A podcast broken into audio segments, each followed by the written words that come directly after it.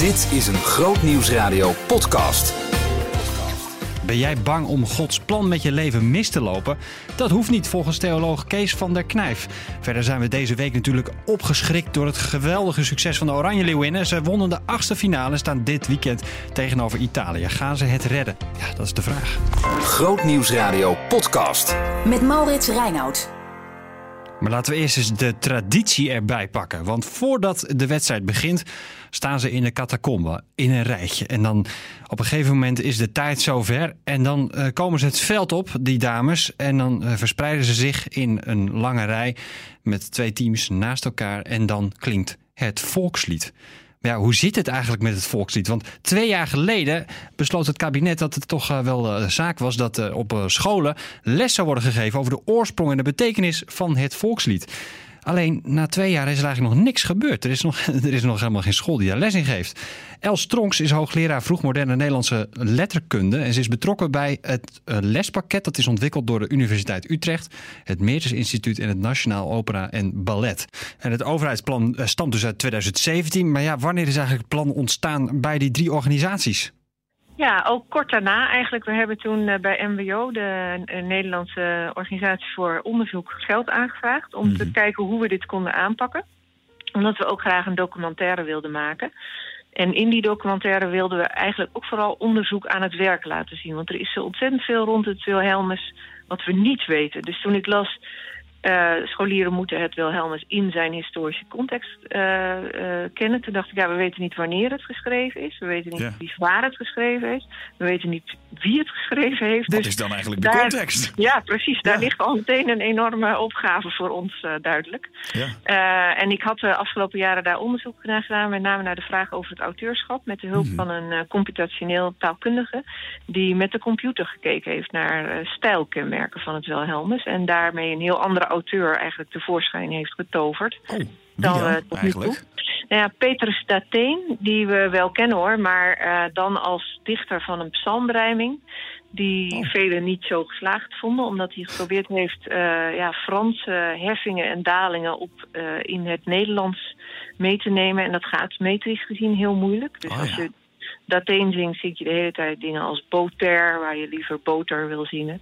Oh, En, ja, ja. uh, en hij heeft ook heel veel ruzie gekregen met Willem van Oranje aan het eind van zijn leven. Dus ja, om die redenen is hij denk ik nooit in beeld geweest. Wat is je naam nog één keer voor de? Want dit is nieuw voor mij, maar... eh, Ja, Petrus Dateen. Petrus Dateen, oké, nou, Ja. interessant. Nou ja, dat is dus e- een van die dingen die we eigenlijk helemaal niet wisten. Eh, Nee, hebben jullie dit ook met het kabinet besproken? Want, want u heeft er veel verstand van, dat u dacht... ja, hoe moet het dan precies gaan? Of wij willen dat wel doen, of hoe is het gelopen? Nee, we hebben geen overleg gehad. We hebben gewoon gedacht, dit is een opdracht aan een ieder die, uh, die dit wil doen. Mhm. En wat voor ons interessant is, is dat het, uh, de regering eigenlijk redeneert... je moet het Wilhelmus leren kennen, omdat je dan weet waar, op welke waarden uh, Nederland gebaseerd is. Dus tolerantie en vrijheid van, van meningsuiting. En wij eigenlijk zien dat het Wilhelmus ontstaan is in een tijd waarin Nederland erg verdeeld was. Dus er was juist helemaal geen eenheid. Nee. En het Wilhelmus zelf is een tekst wat mensen eigenlijk ieder voor zich de keuze probeert voor te leggen. Ja, wat wil je nu? En wat, wat wil je met dit land? Is dat echt zo? Waar zit hem dat dan in bijvoorbeeld? Als we Ja. uh, Nou, de hele tekst gaat, is geschreven vanuit het perspectief van Willem van Oranje... die op zoek is naar mensen die hem in de opstand tegen de Spaanse koning willen steunen. mhm. Dat lag ingewikkeld, want die Spaanse koning was een door God gezonde koning. Die kon je Oh niet ja, zomaar ja. afzetten. Dus eigenlijk moet in dat lied ruimte worden gemaakt voor de gedachte dat je je onder sommige omstandigheden wel mag verzetten. Dus dat die opstand dan te rechtvaardigen is. Ja. Eh, omdat er bijvoorbeeld in naam van die koning allerlei foute dingen gebeuren. En eh, het is ook een sollicitatie van, van Oranje. Die zegt van ja, als er dan een opstand moet komen... dan ben ik de aangewezen leider. Want ik ben vroom, ik ben dapper, ik heb offers gebracht. Mijn familieleden zijn al overleden in de strijd. En heb ik ook al verteld dat ik van hele goede afkomst ben. En nou ja, zo, Oh ja, zo gaat ja. hij een hele tijd door. Ja. Uh, en ja, ieder voor zich die dat zong of hoorde, die, die had eigenlijk die vraag voor zich liggen. Wel, wie, wiens kant kies ik hier? Oh ja. Ja, interessant zeg. En dat vonden wij natuurlijk wel interessant. Hè? Het is nu een nationaal symbool van eenheid, maar het is eigenlijk voortgekomen uit een totaal verscheurd land. Uit oneenigheid bijna, zou je Ja, bijna wel, ja. ja, Ja. ja. En, en nou hebben jullie dus eh, een, een, een lessenserie georganiseerd. Wat, wat gaan jullie er precies mee doen en wat, wat leren eh, kinderen dan? Nou, ze leren iets over wat staat er in het Wilhelmus. Om zichzelf bijvoorbeeld ook die vraag voor te stellen van... ja, wa- op welke, welke waarden kun je een land bouwen? Stel dat jij Mhm. onderdeel bent van een groep mensen... aan wie wordt gevraagd... wat willen jullie met de toekomst van het land? Ja. Maar we leren ze ook eh, de muziek eh, op een andere manier kennen. Het probleem is dat we eigenlijk uit onderzoek weten... liederen kun je het beste laten overleven... doordat ze zich aanpassen. Dus dat kennen we allemaal, hè? remakes en covers. Ja, en, ja, ja, ja. eh, maar dat kan bij het Wilhelmus niet. Dat zit vast in de tijd. Hè? De muziek Ja, staat ja. vast, de tekst staat vast. En dat maakt eigenlijk dat je leerlingen op een andere manier ja, eh, toch eh, toegang moet geven tot, tot het levendig houden van het Wilhelmus. En dat kan denk ik alleen maar als ze meer weten over het lied. Dus niet alleen maar, eh, we moeten het kennelijk zingen, maar ook zelf daar waarde aan hechten. Ja. En denken in de toekomst vinden wij dit ook belangrijk. Waar het voor staat, eh, ja, wa- waar dit land daarmee voor staat. ja, ja. Dan moet je eigenlijk de, de zaak een beetje opentrekken. Dus niet zeggen van je moet er wat mee, maar meer wat wil jij ermee? ja, En daar gaan die lessen over. Een beetje flexibel zijn. En, en, eh, en hebben scholen zich al aangemeld of zijn er al scholen die er echt mee werken? Of? Nou, we hebben het met scholen gemaakt. Dus eh, met een aantal docenten en klassen. En met eh, didactisch deskundigen van Mhm. Stichting Leerplanontwikkeling. En nu moeten we afwachten. Eh, het gaat misschien door scholen gebruikt worden, misschien ook niet. Want we hebben zich nogal verzet tegen het ge- regeringsbesluit. Oh ja, ja. Omdat het als staatspedagogiek aanvoelt. Van, hè, Mhm, wij wij ja, beslissen ja. zelf wel wat we doseren. En eh, ja, dat is natuurlijk iets waar wij ook verder niet over gaan. Dus we Oh, ja. kunnen alleen maar zeggen, hier is het. Kijk maar of je er wat mee wil. ja. Nou, Vinden wij ook spannend. Ja, nou, nou is het zo natuurlijk dat veel mensen die eh, nu luisteren eh, waarschijnlijk niet meer naar school gaan. Dus Mhm. ja, omdat wij dat niet meer, die lessenserie waarschijnlijk niet meer volgeschoteld krijgen. Wat is nou het meest interessant over het Wilhelmus? Waarvan u zegt dat moeten we absoluut weten met z'n allen. Nou, ik vind het zelf het meest interessant als je na gaat denken over het staatssymbool voor het Nederland van nu. Dan denk je ook meteen aan de land met het, het land met het grenzen die het nu heeft. Mhm. Maar als je eh, in de geschiedenis van het Wilhelmus kijkt, dan zie je dat het geschreven is op Duits grondgebied. Want daar zat Willem van Oranje toen Mhm. als banneling. Het is geschreven op een Franse melodie, dat weten we ook zeker. Van Weet u dat Eh, ja, het is een, eh, een liedje over de prins van Condé. wat geschreven was naar aanleiding van het beleg van de Franse stad Chartres. Oh ja. Ehm, en dat wisten we al, dankzij eh, Louis-Peter Grijp onder andere. Mhm. Ehm, maar als wij gelijk hebben, is het ook nog eens geschreven door een auteur die uit het huidige Noord-Frankrijk kwam. Dus wat je eigenlijk ziet als je het op een kaart voorstelt, Oh ja. is dat er niets Nederlands is aan het hele Wilhelmus in de zin zoals wij nu Nederlands opvatten. Dus op Nederlands grondgebied Oh, vanuit ja. Nieuwse cultuur gemaakt. Dat vind ik eigenlijk- maken. Ja, of accepteren dat de wortels van ons land eigenlijk altijd heel internationaal geweest zijn. En Ja, dat dat ook eh, te waarderen is. Dat, daar Ja. kies ik dan zelf eerder Ja. voor. Van, Oh ja, eh, dat bewustzijn is goed om, eh, om te hebben. Het is wel grappig natuurlijk, hè, dat dat Wilhelmus, wat eigenlijk zo nationalistisch klinkt altijd als je dat zingt voor een wedstrijd, eigenlijk toch wel heel internationaal is. Dat hoor je natuurlijk ook al terug in die tekst over Spanje, en Frankrijk en Duitsland. Nou ja, Grootnieuwsradio podcast. Met Maurits Reinoud. voor we naar die wedstrijd gaan van het Nederlands elftal, eerst eens even eh, een serieus onderwerp. Want ik, ik heb hier ook persoonlijk wel eens mee te maken gehad. En misschien jij ook. Ik kan me bijna niet voorstellen eigenlijk als je geen christen bent, dat je de vraag nog nooit gesteld hebt. Wat is Gods plan voor mijn leven? Het zit in kinderliedjes, weet je. eh, God heeft een plan met je leven, je bent hier met een doel. Ehm, ja, dan kun je dus af gaan vragen als je helemaal volwassen bent en, en een baan hebt. Dat je denkt, hé, hey, eh, maar ben ik dan wel bezig met wat God voor mij bedacht heeft? Er is een theoloog die promoveert op dat onderwerp. En hij heet Kees van der Knijf. En hij denkt dat je daar niet zo overspannen over na hoeft te denken. De twee eh, meest basale zijn eigenlijk dus de allereerste gedachte dat God een plan heeft met het leven van iedere gelovige. Eh, en de tweede, dat hij dan op de een of andere manier ook rondom belangrijke keuzes ons daar iets van laat merken. Ehm, en de verschillende visiesopleiding die geven dan verschillende antwoorden op deze twee vragen. Mhm. En daaronder liggen nog andere theologische gedachten waarvan je, eh, waar ik er in, mijn, in de loop van mijn onderzoek achter gekomen ben van ja, daar vallen uiteindelijk de verschillen. Oké. Nou, Eh. een van de uitkomsten is dat u zegt ehm, dat je niet bang hoeft te zijn om Gods plan voor je leven mis te lopen. Ja. Gelooft u wel dat God een plan heeft met ons leven? Eh, dat geloof ik wel, maar ik zou daar altijd wel een paar eh, eh, kanttekeningen bij willen plaatsen. Eh, en de, de eerste is, als je steeds spreekt over Gods plan met mijn leven, dan heeft dat het risico om toch weer heel erg op jezelf gericht te worden. Ehm, en daarom heb ik de suggestie ook in mijn onderzoek wel gedaan van kunnen we niet met, met z'n allen beter spreken over Gods plan met deze wereld en ons dan afvragen van hoe kunnen wij daar instrument in zijn. Dus dan gaat het om, dan gaat de focus wat meer op, op Gods weg in de wereld Mhm. en niet per se op mijn eigen leven. Oké, dan is, is dat dan een, een plan in grote lijnen? En, en, Ja. en wat er dan in de marge lees in mijn leven gebeurt, dat, dat is niet zo belangrijk. Nou, dat wil ik er niet mee zeggen, maar meer van eh, hoe, hoe kunnen wij ons leven dienstbaar maken aan Gods plan met deze wereld. Oké, ja, dus je draait hem Ja. eigenlijk om. Je ja, draait hem eigenlijk om. Ja. Ja, Nou, het- Toch hebben sommige mensen wel, eh, wel echt een bijzondere taak van God gekregen. Hè? Ik, ik, ik denk aan, aan bijbelse figuren, eh, Mozes, Paulus. eh, ik, ik denk aan een van mijn geloofshelden, Corrie ten Boom. Dat was toch wel duidelijk wat hij moest gaan doen in haar leven. Ja, ja en dat heb ik in mijn onderzoek ook nergens uitgesloten. Eh, maar waar ik een beetje huiverig voor ben, is dat de, de bijzondere verhalen langzaamaan toch een soort van uitgangspunt geworden zijn voor iedereen. Mm.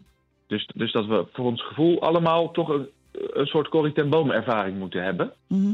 Ehm, terwijl ik om mij heen zie dat de realiteit voor de meeste mensen toch gewoon is dat ze zullen moeten solliciteren voor een baan. Eh, ja, en, dat dan allemaal niet zo duidelijk hebben. Ja, er komt geen briefje uit de Ja. hemel. Dus die, Nee. die, die mooie verhalen die worden opgeschreven, maar daar moeten we ons ook weer niet te veel aan spiegelen, denk ik. Nee, ja, eh, toch heb je ook verhalen van mensen die eh, hebben ervaren dat God op het juiste moment eh, de bevestiging gaf. Hè, voor bijvoorbeeld die ene baan. Via iemand die dan, tegen, die dan iets zei tegen hen. Of, of een bijbeltekst die ze van iemand kregen. Of, of een lied dat ze op het goede moment hoorden. Ja, zeker. Er, er gebeuren in die zin een heleboel mooie dingen. Ehm, maar de vraag die ik in mijn onderzoek eigenlijk ook gesteld heb: van, moet er nou zoiets gebeuren voordat wij een beslissing durven nemen? Eh, en daarvan heb ik gezegd van nee, volgens mij theologisch eh, kan je ook haast God niet verplichten eh, om altijd zoiets speciaals te doen. Hij heeft ons gewoon heel veel gaven gegeven die we mogen gebruiken in de beslissingen die we nemen. Mhm. En, en, en we moeten ook weer niet eh, eh, eigenlijk in onze methodes om Gods wil te ontdekken, eh, God verplichten om eventjes helder licht te laten Ja, schijnen. dus, dus mag je dan gewoon gaan en, en beslissingen en keuzes maken. En, en er dan op vertrouwen dat het wel goed is of zo? Hoe moet ik dat zien? Nou, van ouds, dus de gedachte dat God met, met het leven en met de wereld een plan heeft, komt vanuit de voorzienigheidsleer. En die is vroeger bedoeld en, en, en opgeschreven uit de, Bijbel, eh, uit de Bijbelverhalen gehaald als troostvolle gedachte. Van ja, wat er ook gebeurt in deze wereld en in mijn leven, dat loopt God niet uit de hand. Ehm, maar ik heb het idee dat het voor heel veel mensen nu niet een troostvolle gedachte is, maar een, een gedachte waar ze misschien zelfs eerder stress door krijgen. Van, van pas op, God heeft een plan en ik moet zorgen dat ik dat niet mis. En, en moeten we Eh. dan nog wel bidden eh, bij beslissingen die we nemen? Heer, is, de- is dit uw bedoeling of, of is dit uw plan? Ja, ik, eh, kijk, als, als theologisch onderzoek ertoe leidt dat mensen niet meer moeten gaan bidden, dan is er iets misgegaan. Nou, nee, het ging meer om dat of je dan ja. bidt of dat Gods plan is. is, is, Ja. is- zijn dat de juiste woorden? Nou, ik, ik zou zelf, en, en dat is ook wel, dat heb ik in, in de loop van mijn onderzoek bij mezelf ook gemerkt, ik ben anders daarvoor gaan bidden, ja. Ehm, dus ik zou zelf zeggen, we, we moeten echt voor onze beslissingen bidden om wijsheid, maar dan vervolgens ook een beslissing durven nemen. En die ook dan, eh nou, ik haast terugleggen in Gods genade. Van, eh Heer, ik heb deze beslissing genomen. Eh, ik weet niet, niet zeker of dit de goede weg is, maar wilt u dat gebruiken? Wat heeft uw onderzoek met uw eigen geloof gedaan? Nou ja, wat ik net aangaf, eh, ik ben op, op momenten, op, op bepaalde thema's ben ik anders gaan bidden. Ehm, het heeft ook wel een stuk ontspanning gegeven. Van, eh, als je de gedachte hebt dat je Gods plan kan missen, dan kan dat een ontzettende druk op elke beslissing leggen. Ja, God schakelt niet over naar plan B of zo. Zo moet ik dat Nee, niet eh, zien. zo moet je dat zeker niet zien. Nee, nee. Dan doe je ook, denk ik, aan Gods genade wel tekort. Ehm, dus ik, ik zou zeggen, aan de ene kant heeft het ontspanning gegeven. En aan de andere, andere kant, ehm, als je eh, kijk, als je zo focust op die grote beslissingen, dan, dan maakt het daartussendoor eigenlijk niet zoveel uit hoe God leidt. Want, want dan gaat het alleen om de hoofdmomenten van een partnerkeuze of een Ja. beroepskeuze. Ja, ja, maar God, in God is er overal en altijd. Ja, en, en eigenlijk wordt ook elke dag aan ons de vraag gesteld van waarvoor leef je eigenlijk? En hoe zie je dat terug in de, in de keuzes die je maakt en de prioriteiten die je stelt? Dus in, in die zin, het hele leven stelt die vraag aan ons. En die, die visie op leiding waarin het gaat om Gods plan, die stelt die vraag eigenlijk alleen maar op de, op de belangrijke kruispunten. En dat vind ik eigenlijk wel een hele persoonlijk, een hele eh, lekkere, ontspannen manier om daarover na te denken. Over dat plan van God met je leven. Grootnieuwsradio podcast. Met Maurits Reinoud. Het ding van eh, live radio is dat ik precies weet wanneer je luistert. Namelijk op het moment dat ik zit te presenteren. Het kan natuurlijk zo zijn dat je dat dan terug zit te luisteren via de website. Maar 10 tegen 1 dat je live luistert. Bij podcast is het heel anders. Dus ik heb geen flauw idee op welk moment in het weekend jij nu luistert. Maar mocht het zijn voor zaterdagmiddag 3 uur. Ja, dan is het nog wel heel erg spannend wat er gaat gebeuren tegen Italië. En hoe dan ook is het natuurlijk wel interessant om eens even te praten over het vrouwenvoetbal van de Oranje Leeuwinnen. Want ze wonnen twee jaar geleden eh, de titel op het eh, EK natuurlijk in Nederland. We waren het gastland, dat was heel mooi. Eh, nu is het toch wel heel spannend aan het worden in de knock-out fase op het WK. En wij spraken daarover met oud-spits Rianne Schorel. De leeuw en ook het lam. 796. Ja, en dan is het eh, een hele korte brug naar eh, de Nederlandse Leeuwinnen. Want die hebben we met z'n allen wel omarmd. Vrouwenvoetbal is hot, zo mag ik dat wel zeggen. Zeker nu we door zijn naar de kwartfinales. Want zo zeg je dat dan, hè? We zijn door. Waarom is het vrouwenvoetbal zo populair? En wat betekent dat eigenlijk voor de meisjes die nu gaan voetballen? Rianne Schorel is oudspits bij ADO Den Haag. Ruim tien jaar geleden werd ze door een bal tegen haar hoofd letterlijk buitenspel gezet. Juist terwijl ze net was geselecteerd voor het Nederlands elftal. Ze stond toen aan het begin van het vrouwenvoetbal zoals dat nu is. Inmiddels heeft ze een eigen stichting opgericht om mensen met hersenletsel te helpen. Rianne Schorel, goedemiddag. Goedemiddag. En gisteravond gekeken? Ja, dat was even binnenknijpen. Oh, dit was spannend hè? Ja, dat is mooi gedaan. Ja, ja vind je het mooi gedaan? Ik vond het niet zo heel erg mooi eigenlijk, moet Nou ja, het was niet mooi, maar het is mooi. Het res- eindresultaat dat ze verder zijn is mooi. Ja, ja, nee, precies. Eh, En, en, en winnen is het belangrijkste dan uiteindelijk, toch? Uiteindelijk wel. Ja. Uiteindelijk wel. Ja, nou heb jij tien, jaar- ruim tien jaar geleden moeten stoppen met voetbal. Kijk je dan zo'n wedstrijd nog met van, eh, ja, daar, daar had ik bij kunnen zijn? Nou, niet meer zozeer, maar het is, het is wel zoiets van, oh wat leuk, weet je wel. Eh, De, de, het gemis is verplaatst naar trots. Oh ja, en ken jij ook nog wat van die meiden waarvan je nog Ja. misschien samen hebt gespeeld? Ja, ik ken er wel een aantal inderdaad. Eh, dat Zoals? is wel leuk. Eh, ik heb gespeeld bijvoorbeeld met eh Loes Geurts en met eh Celine Mhm. Spitsen. Oh, ja. Eh, Renate Jansen. ik, niet, ik, en er zijn er nog twee. ehm, ik weet even niet, ik kan niet even op de naam komen. Janice van der de Zanden. Zanden? Oh, ja, ja, Ja, ja, dus Ah, ik aantal ken ik wel. Ja. Heb jij eigenlijk hard moeten vechten voor jouw plek bij ADO Den Haag? Ja en nee. Ik zeg in voetbal is het altijd zo dat je bent zo goed als je laatste wedstrijd. Dus eh, je kan het heel goed doen. En dan eh, nou ja, gaat het fantastisch. En als je eenmaal, eh, ja, als je even gewoon niet een lekkere, lekkere paar wedstrijden hebt, dan, eh, dan kon je ook weer zo op de bank zitten. Ja, ja, precies. Nou, is het vrouwenvoetbal nogal veranderd de afgelopen tien Ja. jaar, kan ik me zo voorstellen. Hoe heb jij dat gezien vanaf de zeilen dan een beetje? Ja, nou ja, je ziet natuurlijk gewoon, er is meer professionaliteit gekomen. En het, ja, het wordt ook meer omarmd. En het is, wordt positief ontvangen.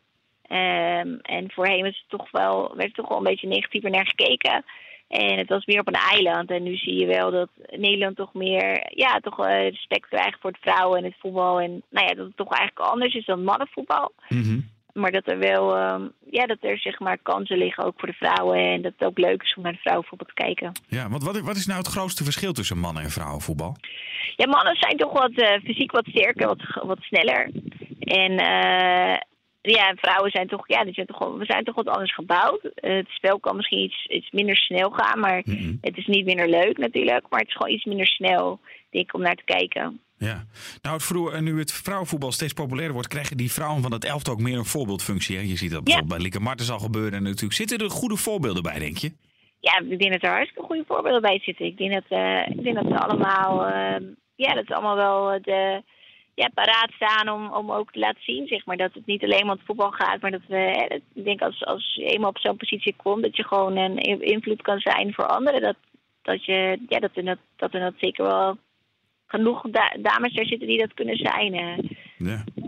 Ja, en, en nou, eh, als jij nou één ding mag meegeven, wat is dan het belangrijkste dat je deze voetballende vrouwen mee zou willen geven? En ook, ook, ook de jeugd die ook aan het voetbal is geslagen. Ja, ik denk het belangrijkste is dat ze gewoon plezier blijven houden. Eh, het, in je gezondheid en dat je, en dat je gewoon de, de dingen doet die je leuk vindt. Dus als je voetbalt ook, dat je gewoon vooral fun hebt. En dat je niet zozeer focust op de prestatie. Dat, dat komt vanzelf wel als je gewoon plezier blijft houden. Oké, nou, dat, dat nemen we ten harte. Dan nog even zaterdag tegen Italië. Hoe schat je onze kans in? Ehm, nou ja, ik zeg zoals eh, ik altijd zo zeg van, eh, ik denk dat we een gelijkwaardige kans hebben. En het zal moeilijk worden, maar als we er gaan staan met z'n allen, dan, dan kunnen we best wel eh, een potje breken en eh, eh, met, de, met Ja. naar huis. Precies, en eh, het wordt wordt wel heel erg spannend zaterdag. En als je zaterdag al gekeken hebt en het is winnen of verliezen. ze hebben het sowieso goed gedaan, want niemand had verwacht eigenlijk dat ze zover zouden komen. En Japan, daarvan winnen, dat was al eigenlijk een hele knappe prestatie. Komende week op Grootnieuws Radio. Anies, wat is de stelling van maandag? De stelling die gaat over het... eh, oh ja, ik moet echt even over nadenken. Ja, nee, maar dat hoeft dus niet. Want ik wou gaan zeggen, we gaan geen stelling teasen van maandag. Er is eigenlijk maar één ding wat we gaan teasen. En dat is een nieuw programma. Ja, het gaat trouwens over app op de fiets. Dat weet ik dan weer Oh, wel. ja. Maar inderdaad, er gaat iets heel leuks gebeuren maandag. Vanaf 10 uur, hou je radio aan, is er een gloednieuw zomerprogramma op Grootdienst Radio te horen. En dat heet Zin in de Zomer. En ik ga hem presenteren. Kijk eens, het debuut voor jou als presentator bij Groot Nieuws Radio. Ja, Wat vind je ervan? Ehm, spannend. Zin in. Eh, een, mix aan, een mix aan emoties. En, en wat, wat, wat ga je brengen in die drie weken? Nou, de naam zegt het al, zin in de zomer. Eh, allereerst, ik hou van dat seizoen. Van rust nemen, reflecteren. Soms staat het ook een beetje je leven op de kop, omdat je echt gaat nadenken over hm, wat doe ik nu op dit moment met mijn leven. En juist dan, daar wil je de diepgang hebben. En dat zit er ook allemaal in. Tussen 10 en 12 dus, van maandag tot en met donderdag, de komende drie weken bij Groot Nieuws Radio. Leuk dat je luistert naar de podcast van Groot Nieuws Radio. Je kunt je abonneren via Spotify, iTunes en natuurlijk ook op Soundcloud. Doe dat vooral, want dan krijg je hem elke week automatisch. Tot volgende week. Ontdek de nieuwste christelijke muziek. Holy, there is no one like you. There is none beside you. Open up my eyes in wonder. Elke dag opbouwend. Dan mag je het weer zien. Als je alles bij hem neerlegt. Als je alles in zijn handen legt. Groot Nieuws Radio.